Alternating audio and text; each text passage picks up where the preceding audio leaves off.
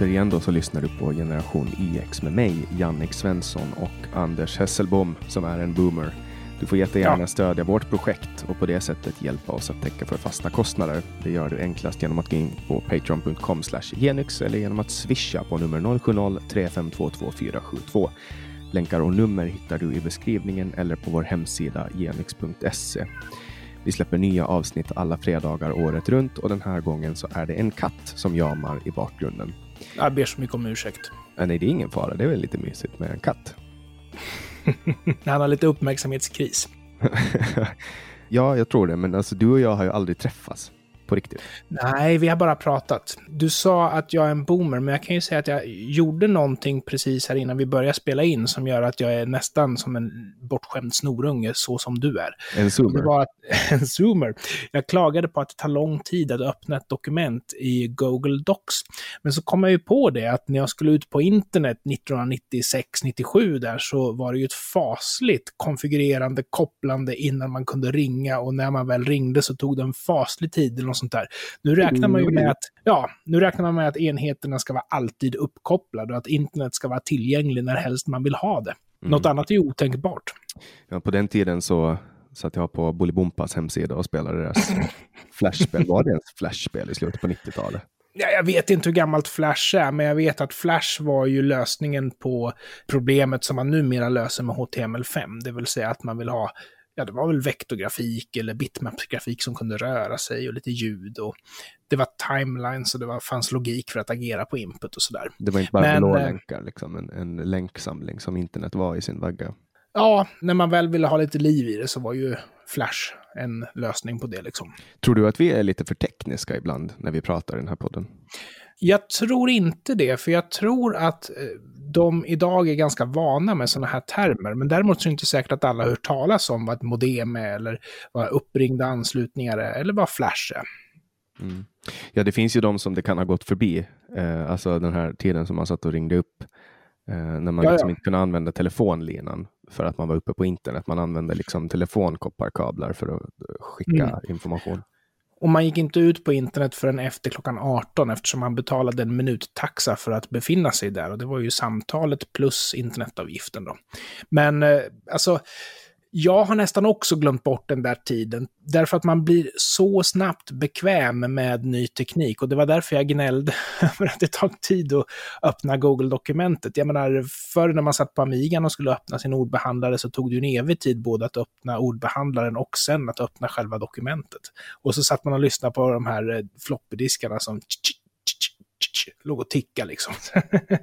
så det är nya tider nu, helt mm. klart. Ja, nu kan man ju ladda hem en uh, film på några minuter. Du kan till och med streama ja. en film live. Det var ju lyx första gången när det kom. Alltså, ja, det var unheard of för några år sedan. Mm, jag minns när Spotify kom. Det var ju tio år sedan nu, men alltså det var ju det sjukaste jag varit med om. Att kunna sitta och mm. söka och hitta alla låtar man ville. Ja, nu lyssnar ju inte jag på riktigt samma musik som du alltid. Så mycket av det jag lyssnar på finns ju inte. Du lyssnar på Pink Floyd, Led Zeppelin, Ja, men ta så här. Eh, Beatles. Ja, de finns. Men säg, lyssnar du på Kansas, då finns bara vissa skivor där. Och Kansas är ett av mina favoritband. Lyssnar du på Yes finns bara vissa skivor där. Och Yes är ett annat av mina favoritband och så vidare. Så Spotify är inte till för den som har lite mera sofistikerad musiksmak. Men Pink Floyd, de gick ju från att inte vara närvarande till att lägga ut hela sin katalog ganska nyligen på ja, sommaren 2013 så. Alltså var det så länge sedan? Ja. var det så länge sedan de la ut hela sin katalog på Spotify? Ja, jag, min, Oj, minns, jag minns det för att jag körde med en Volvo S40 då och hade alla Pink Floyd-låtar på eh, ett ja. USB-minne. Ja. Diskografin. Och, och sen släppte de det på Spotify. Men, men det har gått i lite olika faser. Metallica var ju länge att de inte ville vara med på Spotify och så vidare. Och Jay-Z har ju varit, det har inte funnits någon Jay-Z-musik överhuvudtaget därför att han haft allt på sin egen plattform, Tidal. Men nu har det släppts, Jay-Z, så det är Jag vet inte vad Jay-Z är för någonting, men jag kan bara konstatera att mycket av den musik jag gillar finns inte på Spotify. Men å andra sidan, jag har ju bättre ljud i min grammofon än vad de har i sin Spotify, så för mig är det inte så viktigt. Jag äger ju mina skivor. Jag äger ju alla Pink Floyd-skivor såklart. Mm. Ja, det är väl dags för mig att snurra över till Örebro snart så vi kan ta en Pink Floyd-kväll. ja, det måste vi ha. Ja, det kanske blir första gången vi träffas, kanske blir över ett snurrande Pink Floyd-vax då. Jag hoppas det, annars är det ovärdigt. Eh, ja. Allt annat skulle vara ovärdigt. Ja, men du Anders, förra, förra veckan så, så pratade vi lite om att eh, skattestöld. Mm. Eh, och jag droppade den meningen och du blev lite så här um, ja, men lite konfunderad och då föreslår jag att, uh, att du ska få prata med Kai Gryssner, en, en eh, kille som, uh, som kommer från Åland som jag har lärt känna. Han har varit med i min podd och du har gjort det. Du har pratat med honom. Mm. Jag, tycker att, jag tycker att han var ganska spot on där. Det blev ju mycket ideologisnack och, och jag tycker att han ganska på ett förklarligt sätt förklarar varför skattestöld. Är du övertygad nu Anders? Är du libertarian? Vi kan väl lyssna. Och Kaj, anledningen till att vi har bjudit in dig till podcasten, det var för att jag och Jannik satt i förra avsnittet och pratade. Och han, han var beredd att sträcka sig så långt att han skulle säga att skatt är stöld. Vilket jag opponerade mig emot. Och då sa han att ja, men du ska prata med Kaj Gryssner, han kan det här. Så hur ser du på skatteuttag? Ja, när vi talar om att skatt är stöld som är ju då ganska, ganska vanligt i libertarianska kretsar så är det inte kanske så dramatiskt som, som det låter. Det handlar ju egentligen bara om att applicera den normala tillämpningen och definitionen av, av ordet stöld på allting. Mm. Och jag menar då, då utgår man från det att, att stöld innebär att en part med våld eller under hot om våld tar egendom från en annan part. Att, mm. det, att det i grunden är fråga om en ofrivillig transaktion och, och därmed också en kränkning av, av äganderätten och det är ju det beskattning är. Att, att det är ju inte som att man frivilligt eh, betalar precis det man vill betala utan staten säger att så här mycket ska du betala och om du inte gör det så blir det konsekvenser av det. Mm. Så, så det, är, det är inte mer dramatiskt än det. Sen att, att staten, eller att man väljer att kalla det något annat än stöld, det kan man ju förstå, men det är ju under, under sidan mm. ren propaganda. Det är lite samma sak som när man talar om expropriering är ju det statens ord för att man konfiskerar markområden för att användas till vägar, järnvägar eller något annat i, i ja. allmänhetens goda så att säga. Men det är ju fortfarande bara plundring, att det skulle en privat aktör göra samma sak skulle man kalla det för något annat. Men handlar det om att det är just staten som gör det här? För jag tänker på att när du kör bil så måste du väl ha en eh, skadeförsäkring antar jag? Du måste ju, orsaken till att man måste ha det är ju att det finns, det finns lagstiftning som säger det. Ett, ett försäkringsbolag ja. kan ju inte tvinga dig att ta en försäkring. Det, det... Nej, men, men i praktiken så måste du ju. Och, och, det är väl samma sak med skatt, att rent tekniskt så kan du hitta sätt att smita ifrån skatten utan att behöva bli utsatt för våld för det. Men ska du följa lagen så är ju skatt obligatoriskt att betala. Ja, men där är det samma sak att vad det är som staten har genom lagstiftning tvingat folk att göra. Det är så att du måste ha körkort för, för, för att köra bil. Du måste vara 18 mm. för att få köpa alkohol. Du måste vara myndig för att kunna rösta. Du måste vara myndig för att kunna ha full rättshandlingsförmåga. Mm. Det är ju bara påhitt som, som staten har, har sagt. Det, varför man nu skiljer på det och till exempel försäkring som ni sa och skatt är ju att jo, om jag inte har en bil så behöver jag skaffa en bilförsäkring. Men har jag inkomster, det enda sättet att undvika skatt är ja. att inte ha några inkomster. Va? Och, och, där är det ju mer en, en fråga om att, att en, en direkt eh, eh, egendomsöverföring från medborgarna till staten och det finns liksom ingen koppling mellan vad medborgaren får och vad den betalar. I, i ditt fall med bilförsäkring så är ju jo, du måste ta bilförsäkring, men det du betalar för, du får också något väldigt konkret vederlag för det. Mm. Det är inte helt samma sak. Nej, men eh, ett samhälle är ju skyldigheter och förmåner. Det är ju inte bara förmåner. För att ett samhälle ska fungera tillsammans så måste vi ha lagar och regler och för att ett samhälle ska fungera så måste vi kunna ta ut skatt för att eh, staten ska kunna erbjuda de tjänster som de erbjuder ja, men ett samhälle är ju ingenting. Att, men, samhälle är ju som en skog. Va? Liksom ett skog är ju bara ett koncept. Samhälle är bara mm. ett, ett, koncept. Och, och, hur man väljer att organisera eh, samhälle på. Det finns ju väldigt många olika sätt att organisera samhällen på. Och eh, även, även om det vanligaste, det vanligaste är förstås man mm. har någon form av stat. Så även bland stater och hur man har organiserat eh, till man har valt organisationsformen stat så finns det ju väldigt stor variation på hur det där faktiskt har gjorts i praktiken. Så att när man talar om samhälle, samhälle innebär varken förmån eller skyldigheter för någon.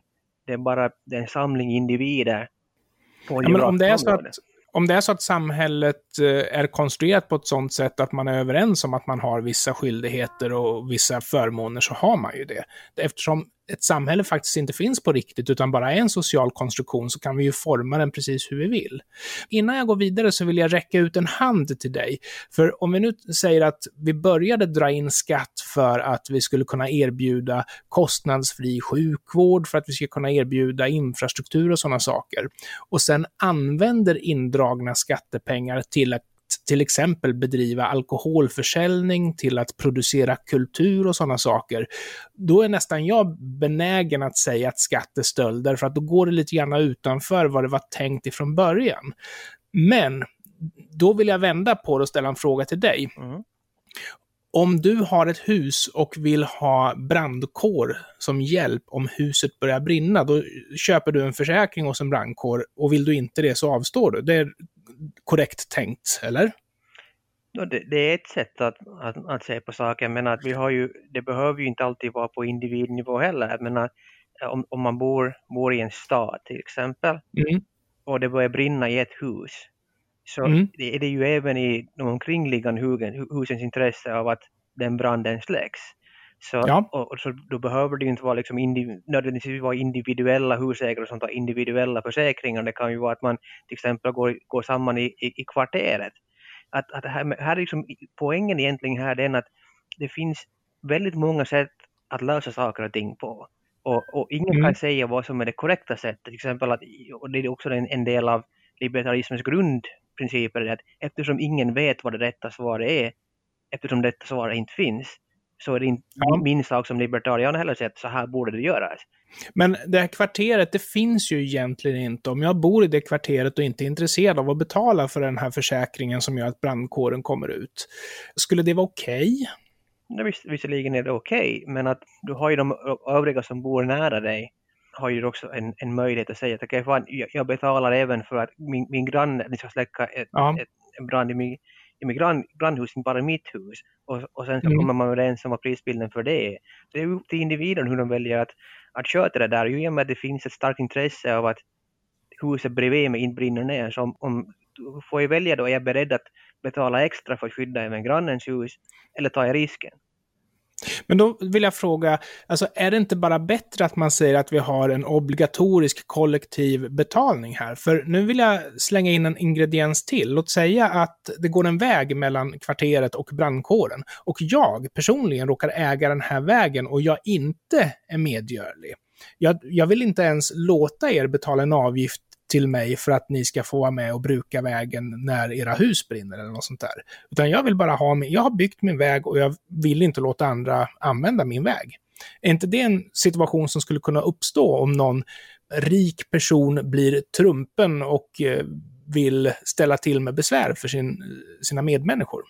Visserligen i teorin man kan ju teorisera om vilka, vilka situationer som helst och det här är också ganska symptomatiskt för just den här typen av diskussioner att när man ifrågasätter eh, den libertarianska idén så, så mm. måste man gå till ganska absurda exempel för att göra, göra sin poäng. Men då kan ju lika gärna säga, men, men titta på staten, om vi har staten nu så kan det ju hända att, att någon, någon får för sig att ta, ska ta makten och bli diktator och börja förfölja människor och, och hålla på med massmord och folkmord. Ja, så är det ju. Och, och det har ju hänt liksom. Att, jag menar, men det i sig betyder ju inte att, att staten per se en, eh, en oacceptabel sätt att, att organisera ett samhälle på. Så igen, sådana hyperteoretiska mm. konstruktioner mm. inte egentligen så jätteinse, liksom hjälpsamma när man diskuterar den här typen av, av grejer. För jag menar, Fast jag vill ta, det var ett bra exempel som tog upp det här att jo men en demokrati kan ju bli en diktatur och eh, de kan börja mörda sina medborgare. Mm. Och du säger också att det har hänt. Och då är ju frågan, är inte det ett problem då? En demokrati ska ju kunna skydda sig emot att sådana saker händer. Och i en demokrati så är det väl också så att det är vi som bor i landet som bestämmer var skattenivåerna ska vara genom representativ demokrati. Men problemet är ju att vi har hamnat i ett läge där både du och jag kan vara överens om att skattesatserna i ja, Sverige, jag vet tyvärr inte så mycket om finsk politik, men skattesatserna i Sverige. I Finland, ja ja, är för höga. Och staten har för mycket makt och staten lägger sig i för mycket. Men jag tror ju att om det är så att vi skulle börja om från början och bygga upp det här landet, då skulle det inte vara helt omöjligt om vi landade på 10 eh, skatt liksom på inkomst. Kanske, ja momsen skulle väl aldrig komma tillbaks, men att vi mm. skulle ha något slags grundskydd. Därför att om alla ändå måste försäkra sig för att kunna få sjukvård, då är det väl lika bra att staten sköter det där. Inte på sitt initiativ, utan för att vi gemensamt bestämmer att det här ska vi betala skatt till. Har du någon invändning mot det?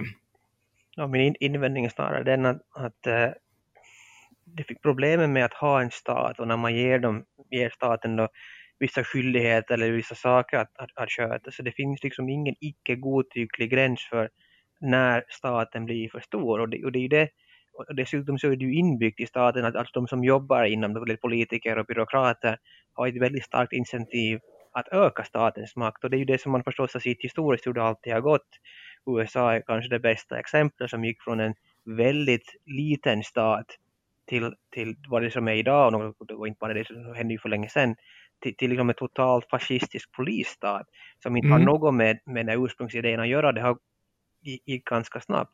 Så, så det där problemet kommer att så fort man accepterar att mm. staten ska sköta vissa saker så hamnar man i en situation där du inte liksom kan säga men nu går, har det gått för långt eller nu är skatten för hög. Liksom om, om 10% skatt är okej, varför inte 11, 15, mm. 20, 50? Det, det, det är där man hamnar sen. Ja, men jag håller med dig. Och jag håller med dig om att staten har en tendens att vilja växa. Och när det ska sparas pengar så vill man ju inte avskaffa sig själv. Man vill ju möjligtvis nagga sina åtaganden i kanten. Och det är därför vi har hamnat i ett läge i, i Sverige där man eh, drar in väldigt mycket skatt och använder till public service, media och sådana saker. Mm. Men man måste dra in på assistanshjälp, vilket betyder att personer som till och med måste ha hjälp att äta inte kan få något stöd från samhället. Så vi har ju verkligen kört i diket. Å andra sidan så är det ju så att de politiker som har ökat statens makt, som har gjort staten dyrare, som har försämrat statens plikter gentemot medborgarna, är framröstade av medborgare som vill ha det så här. Det finns väl ingen i hela Sverige som tänker att det är demokrati som är problemet, utan det är snarare så att fasiken vad många idioter det är som röstar vänster. Det är snarare så de tänker. Men problemet är att de som röstar vänster och vill att staten ska växa och vill att friheterna ska inskränkas för de individerna som finns, de är ju så pass många så att vänstern nästan alltid sitter i regeringsmakt i Sverige. Så det blir ju demokratin som sådan man attackerar, eller? Nu används ju demokrati som ett sätt att legitimisera det som, som staten gör. Att man, det är lätt mm. även för, för, för vänsteranhängare att, att fördöma totalitära stater där demokrati inte finns. Men att för mig är, är det huruvida det är fråga om demokrati eller stat styrs med demokrati eller, eller diktatur om det är frågan eller fast äh, ärftligt kung, äh, kungaskap är inte, är inte relevanta. Det relevanta är A. Finns staten och B. Hur stor är den? Inte hur den styrs. Och, och, mm. och förstås i dagens representativa demokratier så där med idén att, att folket bestämmer i förstås liksom det stämmer ju inte. Att, att det, är ju, det, är ju, det är ju tjänstemännen som, som skriver lagarna och, och inte är det någon politiker som läser igenom dem, än mindre någon medborgare. Så, att, att jag menar, i, det, I praktiken är det ju inte folket som bestämmer och det har det inte varit på länge och det kan det inte vara heller just på grund av att att det, det är fråga om så stora frågor att, att vi röstar ju inte om varje individuell lag till exempel. Och ännu mindre Nej. om de föreskrifter som, som, som, som, grundar, eller som, som skrivs på utgående från, de lagarna. Så att det är ju väldigt högtflygande politiska program som partierna lägger fram och så, så röstar man på det som man tycker låter bra men skillnaden dem emellan är ju väldigt, väldigt liten. Så, I det libertarianska eh, drömsamhället, är, har vi en liten stat eller har vi ingen stat? Vi har ingen stat. Eh, och, och, landsgränser och sådana saker, eh, då har vi förmodligen inte länder heller antar jag. Alltså, också det kan man ju komma ihåg när man, när man talar om, om liberala samhällen, så det, igen, alla får ju organisera sina samhällen så som de vill. Så bara för att, låt säga att, att man bryter ut ett område i mitten av Sverige så att här, här har vi nu libertarianska samhället X och resten så får ni så göra hur ni vill, att ni kan vara som, som Sverige tidigare har varit tidigare, ni kan hitta på något annat, ni kan gå över till DDR om mm. ni så vill. Att, att det här med landsgränser och sådär så börjar tappa lite sin, sin betydelse. Sist och slutligen handlar det bara om hur de här människorna som bor någonstans väljer att organisera sig. Och, och, och, ja. och, det, om någon vill organisera sig enligt, enligt folkhemsprincipen eller någon annan så är det fine, så länge de inte tvingar på sin vision på andra som inte vill ha den. Ja, men det är intressant, därför att även om man skulle säga att man gör en libertariansk zon i Sverige, mm. och så skulle man också kunna tänka sig att ja, men individer i den här eh, libertarianska zonen på eget initiativ får för sig att de vill köpa brandskydd ifrån staten. Bara för att den här zonen ligger i Sverige så, jag menar, man ska komma ihåg att Sverige gränsar ju till Finland. Man skulle ju i princip kunna göra upp med finska staten att ja, men jag som privatperson vill betala en försäkring så att finska brandkåren kommer ifall att mitt hus börjar brinna. Så i, i teorin skulle ju det stämma. I teorin skulle det vara möjligt, eh, logistiskt kanske inte praktiskt. Hur kommer vi till ett libertarianskt drömsamhälle i så fall?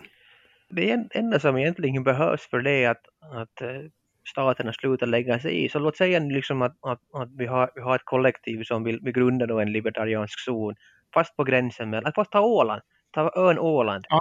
som, som, som exempel och att, att, att ålänningar får för sig att, att, att nu, nu gör vi det här till, till ett fritt samhälle, statslöst samhälle. Liksom det enda som, som krävs från omvärlden är att de inte lägger sig i och, och försöker göra livet surt för en. Det har, har, ju, har ju nu och då uppstått att man får göra frizoner inom, inom existerande länder. Så ja, om ni gör det så då får ni får inte köra på våra vägar, ni får inte handla i våra butiker, ni får inte gå över gränsen till oss. Okej, gör man på det sättet så blir det ju väldigt svårt förstås för den här frizonen att existera. Men som sagt, det enda som behövs för att det ska kunna existera är att de, de omkringliggande samhällena inte gör livet surt för dem. Mm. En sista fråga. Om det skulle vara så att vi i ett libertarianskt samhälle har en individ som tjänar väldigt lite pengar. Den individen kan ju klara sitt upprätthåll i alla fall, därför att den får ju ändå behålla pengarna de tjänar, behöver inte betala dem i skatt. Mm. Om det är så att det uppstår en konflikt med en rik granne, så att motsvarigheten till Polismyndigheten skulle behöva gripa in. Men nu har de helt olika försäkringar och den här som tjänar lite pengar betalar ett väldigt dåligt vaktbolag att skydda sina intressen, medan den som är rik betalar ett väldigt skickligt och väldigt bra och stort vaktbolag för att bevara, bevaka sina intressen. Kommer de ha samma möjligheter i rätten, tror du?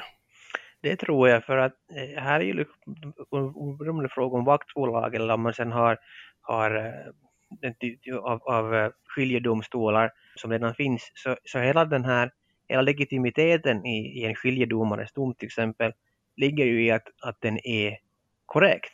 Att om det är uppenbart att, att den här samma domaren, eller skiljemannanämnden, vad det sen råkar vara, hela tiden dömer till så att säga de rikas fördel, så kommer ju de besluten att gälla längre. Och samma sak gäller ju med vaktbolagen också, att om de beter sig illa, oberoende om stora eller inte, så kommer ju, kommer det få konsekvenser från, från alla andra, deras andra kunder. Att, att det, är ju, det är ju så marknaden, oberoende vad det är fråga om tjänster, så är ju det trycket som kommer från marknaden att om du beter dig dåligt, så kan du, eller opålitligt, så kan du förvänta dig att tappa kunder eller tappa samarbetspartners eller få andra sanktioner, marknadsmässiga sådana, till exempel via bojkotter och annat.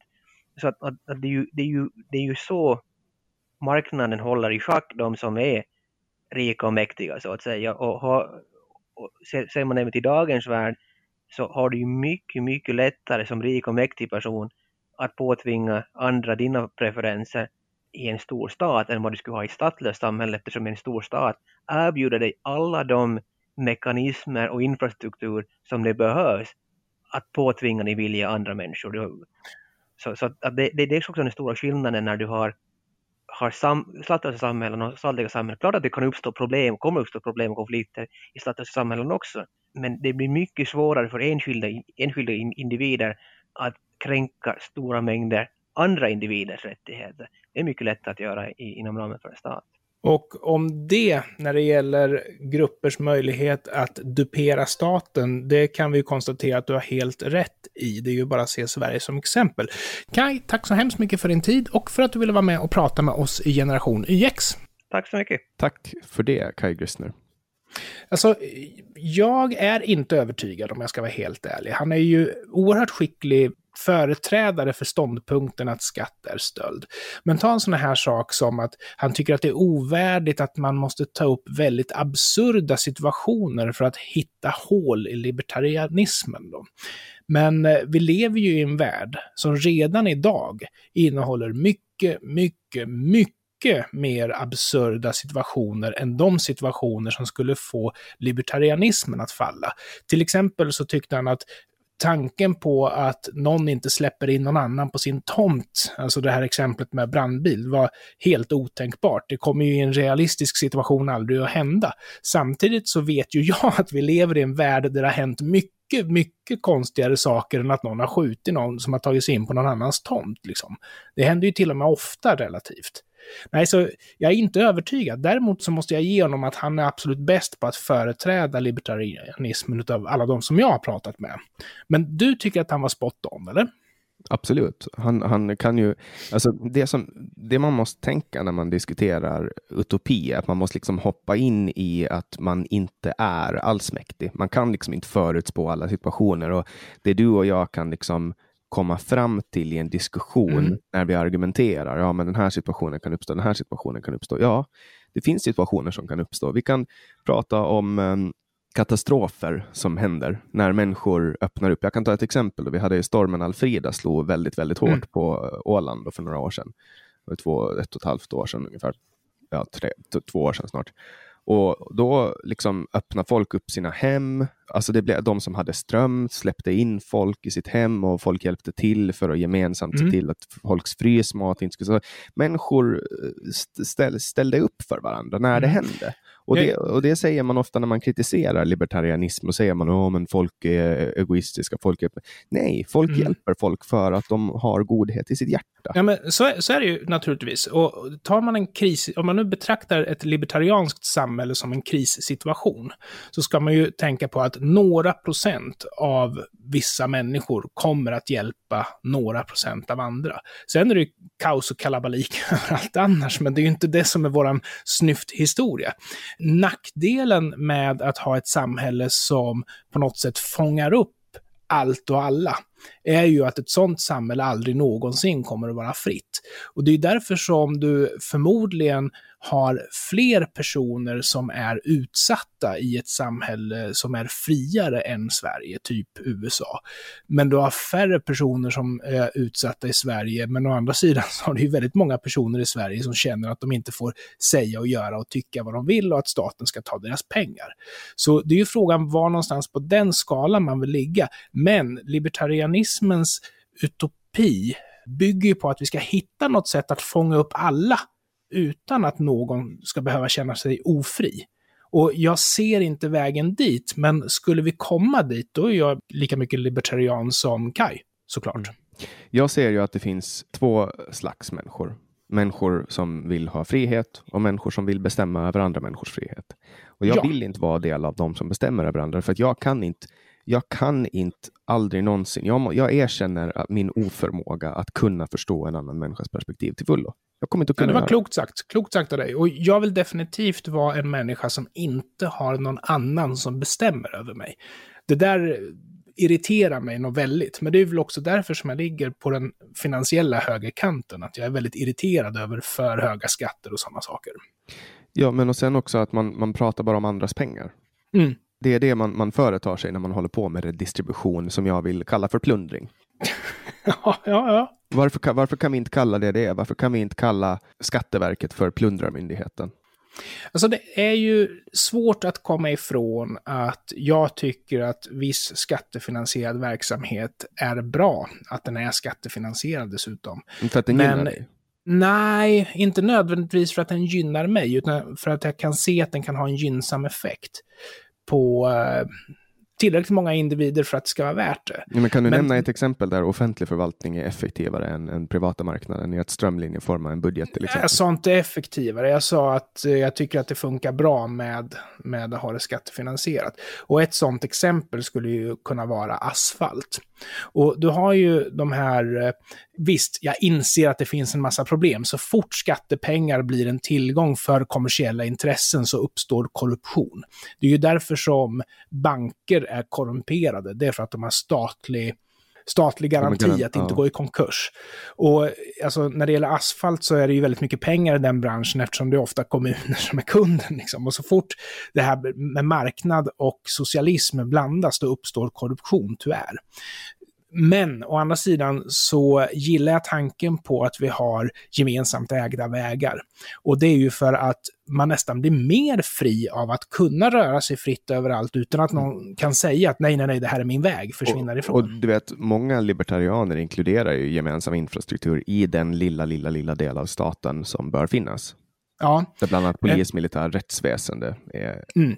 Men nio av tio skattekronor som samlas in idag samlas ju in för insamlandets skull, det vill säga att man vill sabotera för rika, man vill sabotera för den fria marknaden, man vill att folk ska ha så lite ekonomisk frihet som möjligt. Och jag skulle också säga att nio av tio skattekronor som samlas in idag går till politikers egna hobbyn. Allt ifrån deras favoritkultur till deras monument som de bygger över sig själva. Har jag berättat om den eh, finlandssvenska eh, kulturbidragsformen? Gör det gärna igen ifall att. I finlandssvenska delar av Finland så finns det två stora privata stiftelser. Ena är Svenska kulturfonden och andra är Konstsamfundet. Och mm. de här delar ut tillsammans då miljoner euro varje år till kulturutövare. Och det är privata pengar. Det är arv, stiftelser som har mm. fått testamenterade pengar till sig som de delar ut och på sidan då, eller deras primära näring går ut på att förvalta de här pengarna och investera dem och ge avkastning för att hela tiden då att få den här portföljen att växa för att stödja kulturen. Jag tycker att det här är ett, ett fenomenalt sätt att lösa kulturbidrag på. Därför mm. då är det någon som har gett sina pengar till någon som förvaltar dem ser till ja. att pengarna växer och sen varför kan man inte ha så här nu i staten? Då plundrar man pengar. Ja, nu ska du ta den här och nu ska du göra någon makedonisk dansfestival här för 14 människor på ett eh, tomt torg i Örebro. Och det här är kultur. Här får du, här får du 60 000 kronor. Varsågod, gå ut och... Ja, fast och, i bästa fall, alltså nu tog du ett skräckexempel från Sverige, men det, det du beskriver är ju best case scenario. Därför att ofta är det ju så att skattepengar går till typ långfilmer som Kommissarie Speck eller Sean Africa eller något sånt där. Det, det vill säga skräpkultur är det som finansieras. Och det säger mig att det viktiga är att kulturen inte kan stå på egna ben. Att Skatterna ska vara så höga, de ska trycka ner folks frihet så hårt att inte ens kulturen kan stå på egna ben. För få personer går och ser opera. Nej, intäkterna från operabiljetterna går i för hög utsträckning tillbaks till staten. Sänk skatten. Men grejen är att sänker man skatten och kulturen får eget liv, då tappar staten förmågan att styra kulturen. Och det är det man vill. Man vill inte att samhället ska vara fritt. Ja, och... I USA så producerar ju faktiskt den privata marknaden filmer. Och det blir ju bra filmer som kommer ut av det där titt som tätt. Blade Runner för 17. Den är finansierad av privata marknader, inga skattepengar där. Mm. Nej, men jag, jag håller med där just när det kommer. Det finns ju skitmusik som får pengar. Alltså, och, och sen finns det ju också den här Slöseriombudsmannen. Vad heter den här filmen? Jag har, jag har nämnt det förut. Uh, någon annan betalar heter den. Ja, precis. Den är ju finansierad av att intressenter har sponsrat filmen så att den har blivit av. Så, så den är ju liksom, det är ju socialisering fast frivilligt om man säger så. Mm. För ett annat ja. sätt att finansiera en film är ju att man först gör filmen och sen tar man betalt från de som vill se den. Men, men du kan ju också spela in en film genom att folk som vill att filmen ska bli producerad betalar en slant och sen så produceras filmen. Mm. Nej, men jag rekommenderar verkligen den här. Den heter Någon mm. annan betalar, en film om slöseri med dina skattepengar och den är finansierad med frivilliga bidrag och baserad mm. på boken 365 sätt att slösa med dina skattepengar. Men det är väl eh. också ett tecken på att det är dålig journalistik. Det är ju så kallad swish-journalistik, eller det som vi brukar kalla för swish lite skämtsamt. Ja, det får du ju pipa. Ja, mycket bra. Vi ja. måste ju ha någonting att pipa här. Lägg av, vad fan. Eller nu får jag pipa det också. Sorry. Det är ju pipgen. Ja. Någon annan betalar. Mm. Och sen, Anders, har du läst tidningarna de senaste dagarna? Nej, men jag gissar att du är på väg över till Estonia-katastrofen för 26 år sedan, för den har ju varit i tidningarna ganska mycket. Och jag kan väl säga så mycket att jag har förstått att det sprudlar av konspirationsteorier ute i stugorna nu. Mm. Jag vet inte var vi ska börja, men jag ska försöka göra en liten recap för dem som eh, mot förmodan då inte har, har hört om det här. Estonia gick då under. Estonia var ett gammalt åländskt fartyg faktiskt, Viking mm. Sally, som uh, sedermera såldes till Birka och sedermera såldes till Estlines som döpte om henne till Estonia och hon gick då mm. mellan Tallinn och Stockholm, om jag har förstått det hela rätt. Korrekt.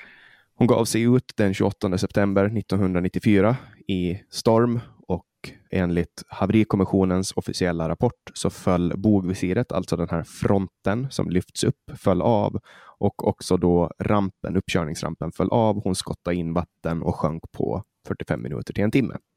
Ja. Det här är alltså mycket, mycket ifrågasatt. Man har alltså från Haverikommissionen består ju då av, av, representanter från Sverige, Finland och Estland. De här tre länderna var inblandade i hela den här grejen. Och det har ju funnits hur mycket teorier som helst att ett båt kan sjunka på det sättet och, och det här hit och dit och folk har varit liksom så här, det här stämmer inte. Det finns vittnesuppgifter som säger att till exempel två maskin, eh, personer då som jobbar i maskinrummet som satt och såg på en kamera att den här rampen visst satt fast, att det var inte därför den sjönk. Och sen kan man också ifrågasätta huruvida en båt eh, sjunker på det sättet som Estonia gjorde. För att en båt som, som får in vatten på bildäck bör vända sig upp och ner och ligga och flyta. Så mm. det, ingenting riktigt stämde och nu fick ju hon en, en babordslagsida eller styrbordslagsida, la sig på sida och sen sjönk hon. Får jag fråga, sitter bogvisiret så pass långt ner att eh, det verkligen rinner in vatten om det inte sitter på plats? Eh, ja, alltså bogvisiret okay. ligger ju i vattenlinjen, så att, men du har ju bakom så har du en uppkörningsramp och sen har du vattentäta skott nu för tiden. Ah, mm. men, men, så att även om bogvisiret faller av så ska det fortfarande finnas en, en ramp där som, som ligger. Men enligt haverikommissionens officiella rapport som jag tycker att vi kan avfärda som fake news så, så var det så det som hände då kort efter Estonia-katastrofen, mm. det var ju då att eh, man gick ut från, från svenska regeringens håll och sa att vi kommer att göra allt för att bärga upp kropparna. De ska få en värdig begravning och vi kommer också att bärga fartyget. Men sen hände någonting. Det, mm. det tillträdde, det här var precis mellan regeringsskiftet då, alltså eh, Carl Bildt och Ingvar Carlssons regering.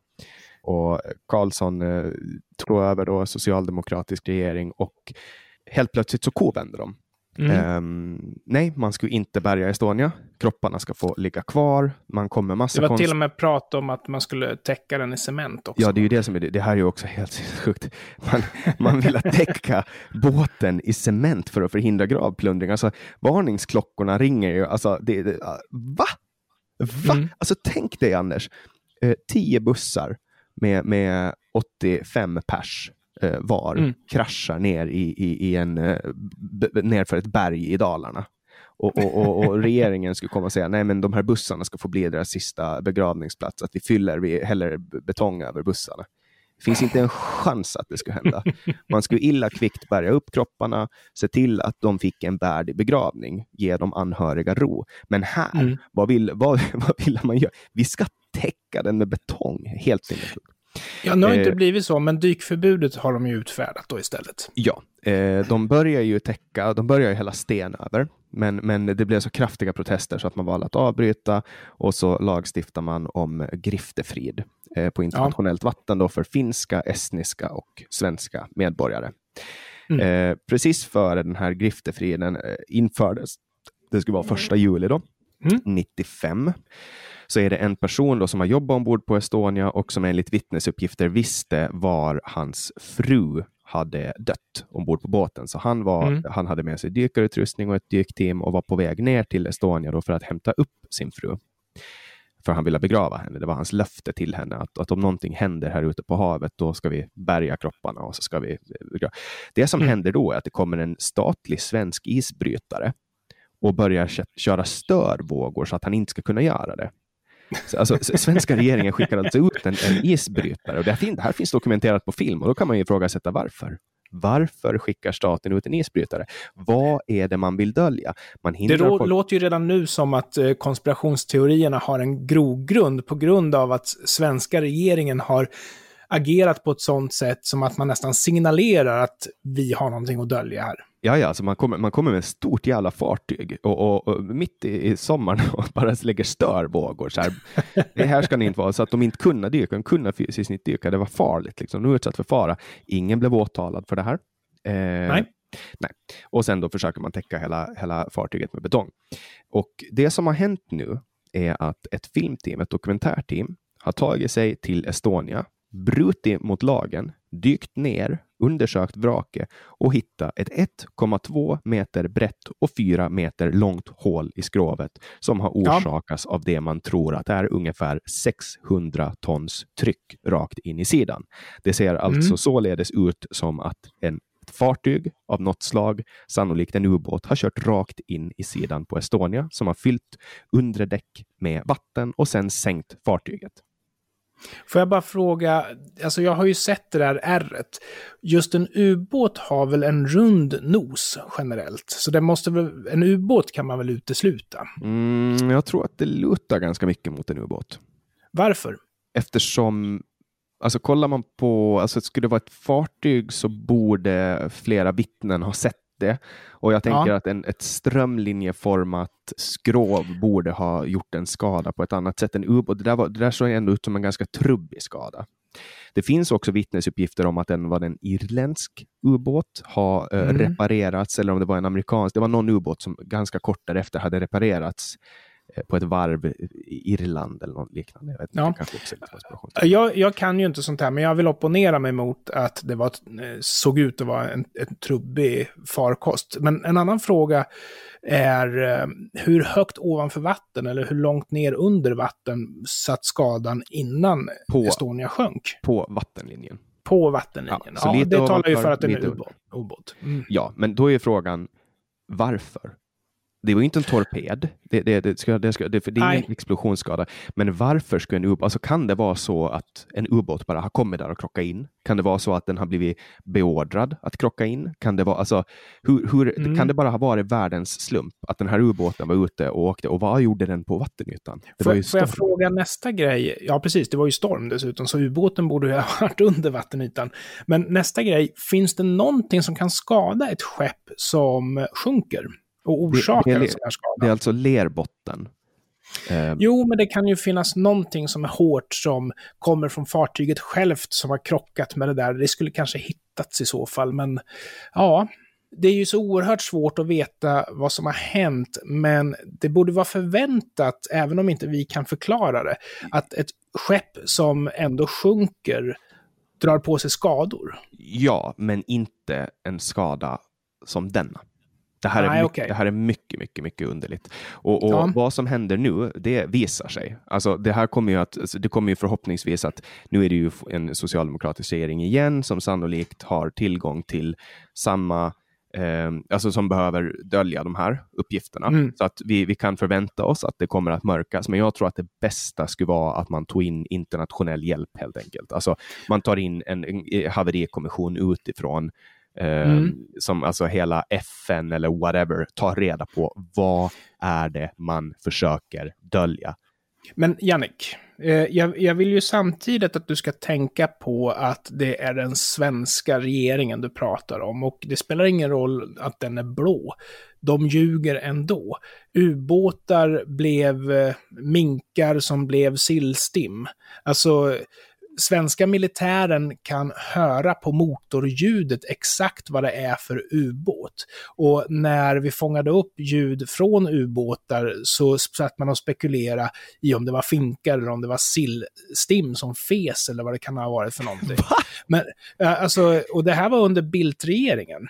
Alltså, vi har en kultur i Sverige av att de som är regeringsvänliga är suckers därför att regeringen ljuger.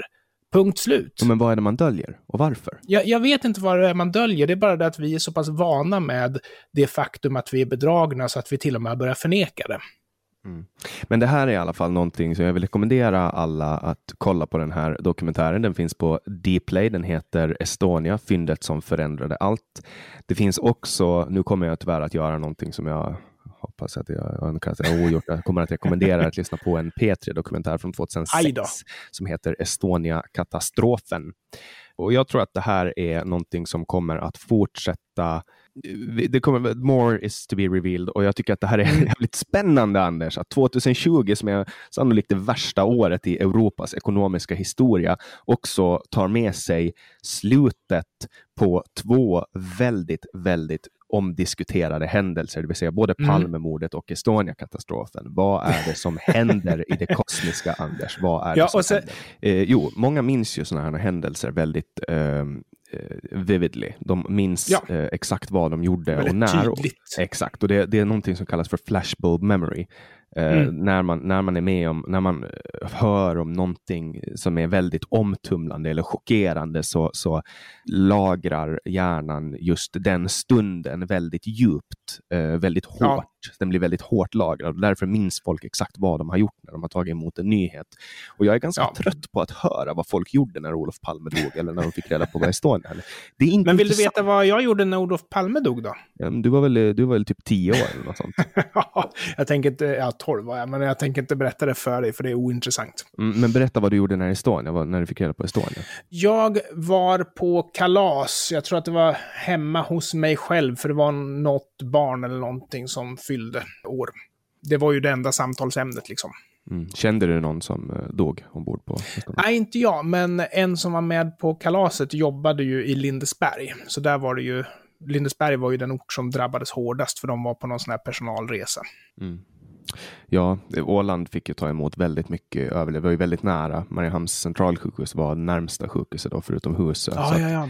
så att vi tog emot väldigt mycket och det här var ju också en väldigt omtumlande händelse för hela åländska samhället i och med att väldigt, väldigt många hade jobbat ombord på mm. Estonia när hon hette Viking Sally och eh, det blev väldigt, du vet, sjöräddningen, åländska sjöräddningen, sjöbevakningen, sjukhuset. Det blev väldigt mycket, det blev väldigt mycket död, det blev väldigt mycket kris, mm. det blev väldigt mycket eh, det kom jättemycket journalister, man kom från BBC, man kom från liksom, det, det kom satellitbilar från hela världen och liksom mm. försökte smyga in och klädde ut sig till läkare och smög in på sjukhus. Det var, det var helt sinnessjukt. Alltså. Jag försöker sitta och tänka på vad man skulle ha för intresse av att eh, sänka en turistbåt eller en partybåt. För det var ju faktiskt det det var. Det här var ju inte folk som reste till och från mål, utan det här var ju folk som reste för resandets skull. Mm. Man ska också Jag komma ihåg tiden här. Det här var alltså fyra år efter att Sovjet hade fallit och det fanns ja. väldigt mycket krigsmateriel från Sovjet som, som det fanns eh, missiler, vapen, ammunition, eh, mm. krigsplundringar, eh, mycket smuggelgods. Ja, och, man och det kan ju förklara ja, man tror att det kan vara militära transporter. Ja, ja, okej. Okay. Jag minns att Pierre Isaksson, han hade jobbat sista passet innan han skulle bli pensionär. Han var sångare i Family Four på 60 eller 70-talet och Eh, sen hade han ju någon hit med Då går jag ner i min källare, där lever jag sällare. Och han hade gjort sitt sista pass. Och då, de här gamla avdankade musikerna, de jobbar ju ofta på sådana här underhållningsbåtar och sånt där. Men han fick aldrig bli pensionär på grund av det här. Men det du säger förklarar ju då varför man skulle kunna tänka sig att man vill cementera över båten och sånt där. Men som sagt, vi lever i ett land där regeringen har väldigt mycket händelser. Vi är jätteduktiga på underrättelse och sådana saker och det kan ju i sin tur leda till att vi tar oss för saker som vi kanske inte riktigt kan stå för inför folket. Men den här skadan, ja, jag, jag, vill, jag gillar din idé att man ska ta, ta in en utländsk haverikommission som mm. är neutral. Ja, eller, eller fientligt inställd mot Sverige. ja, precis, precis. Vänstermänniskor tror ju inte att det finns någon som är fientligt inställd mot Sverige, såvida inte den staten själva är en skurkstat, så som till exempel Ryssland. Polen har ju hamnat på fiendelistan också, eftersom de helt frivilligt har röstat fram en eh, konservativ eh, ledare. Mm. Ja, jag, tycker, jag tycker Israel, staten Israel bör få utträda det här. Ja, men det är väl jättebra Israel är ju alltså väldigt lågt i kurs i Sverige på grund av, visst det är den enda demokratin i Mellanöstern, omgiven av diktaturer, men det är ju socialistiska, teokratiska diktaturer som omger dem och då är det ju lite bra att det är socialistiskt och teokratiskt. Och Israel råkar vara en marknadsekonomi och således är det fienden till Sverige. Mm. Och eh, nästa vecka, Anders, så ska du fråga, fråga mig följande fråga. Hur eh, gick det i badmintonturneringen? För nu ska Svensson gå och spela badminton. Lycka till och tack så hemskt mycket för att ni lyssnade och jag ser fram emot också att få följa upp Estonia. Men lycka till med badminton. Tack och lycka till med nya drönaren. Tack så mycket! Du har lyssnat nu på Generation EX då med mig, Jannik Svensson och med boomern Anders Hesselbom. Eh, du får jättegärna stödja det här projektet, vilket du kan göra då på patreon.com genix eller genom att swisha på nummer 0703522472. Länkar och nummer hittar du i beskrivningen till det här avsnittet eller på vår hemsida www.genyx.se. Vi vill också att du gärna kommer med i vår Facebookgrupp som heter Generation e YX-gruppen. Tusen tack för att ni har lyssnat den här gången och hej då Anders. Hej då.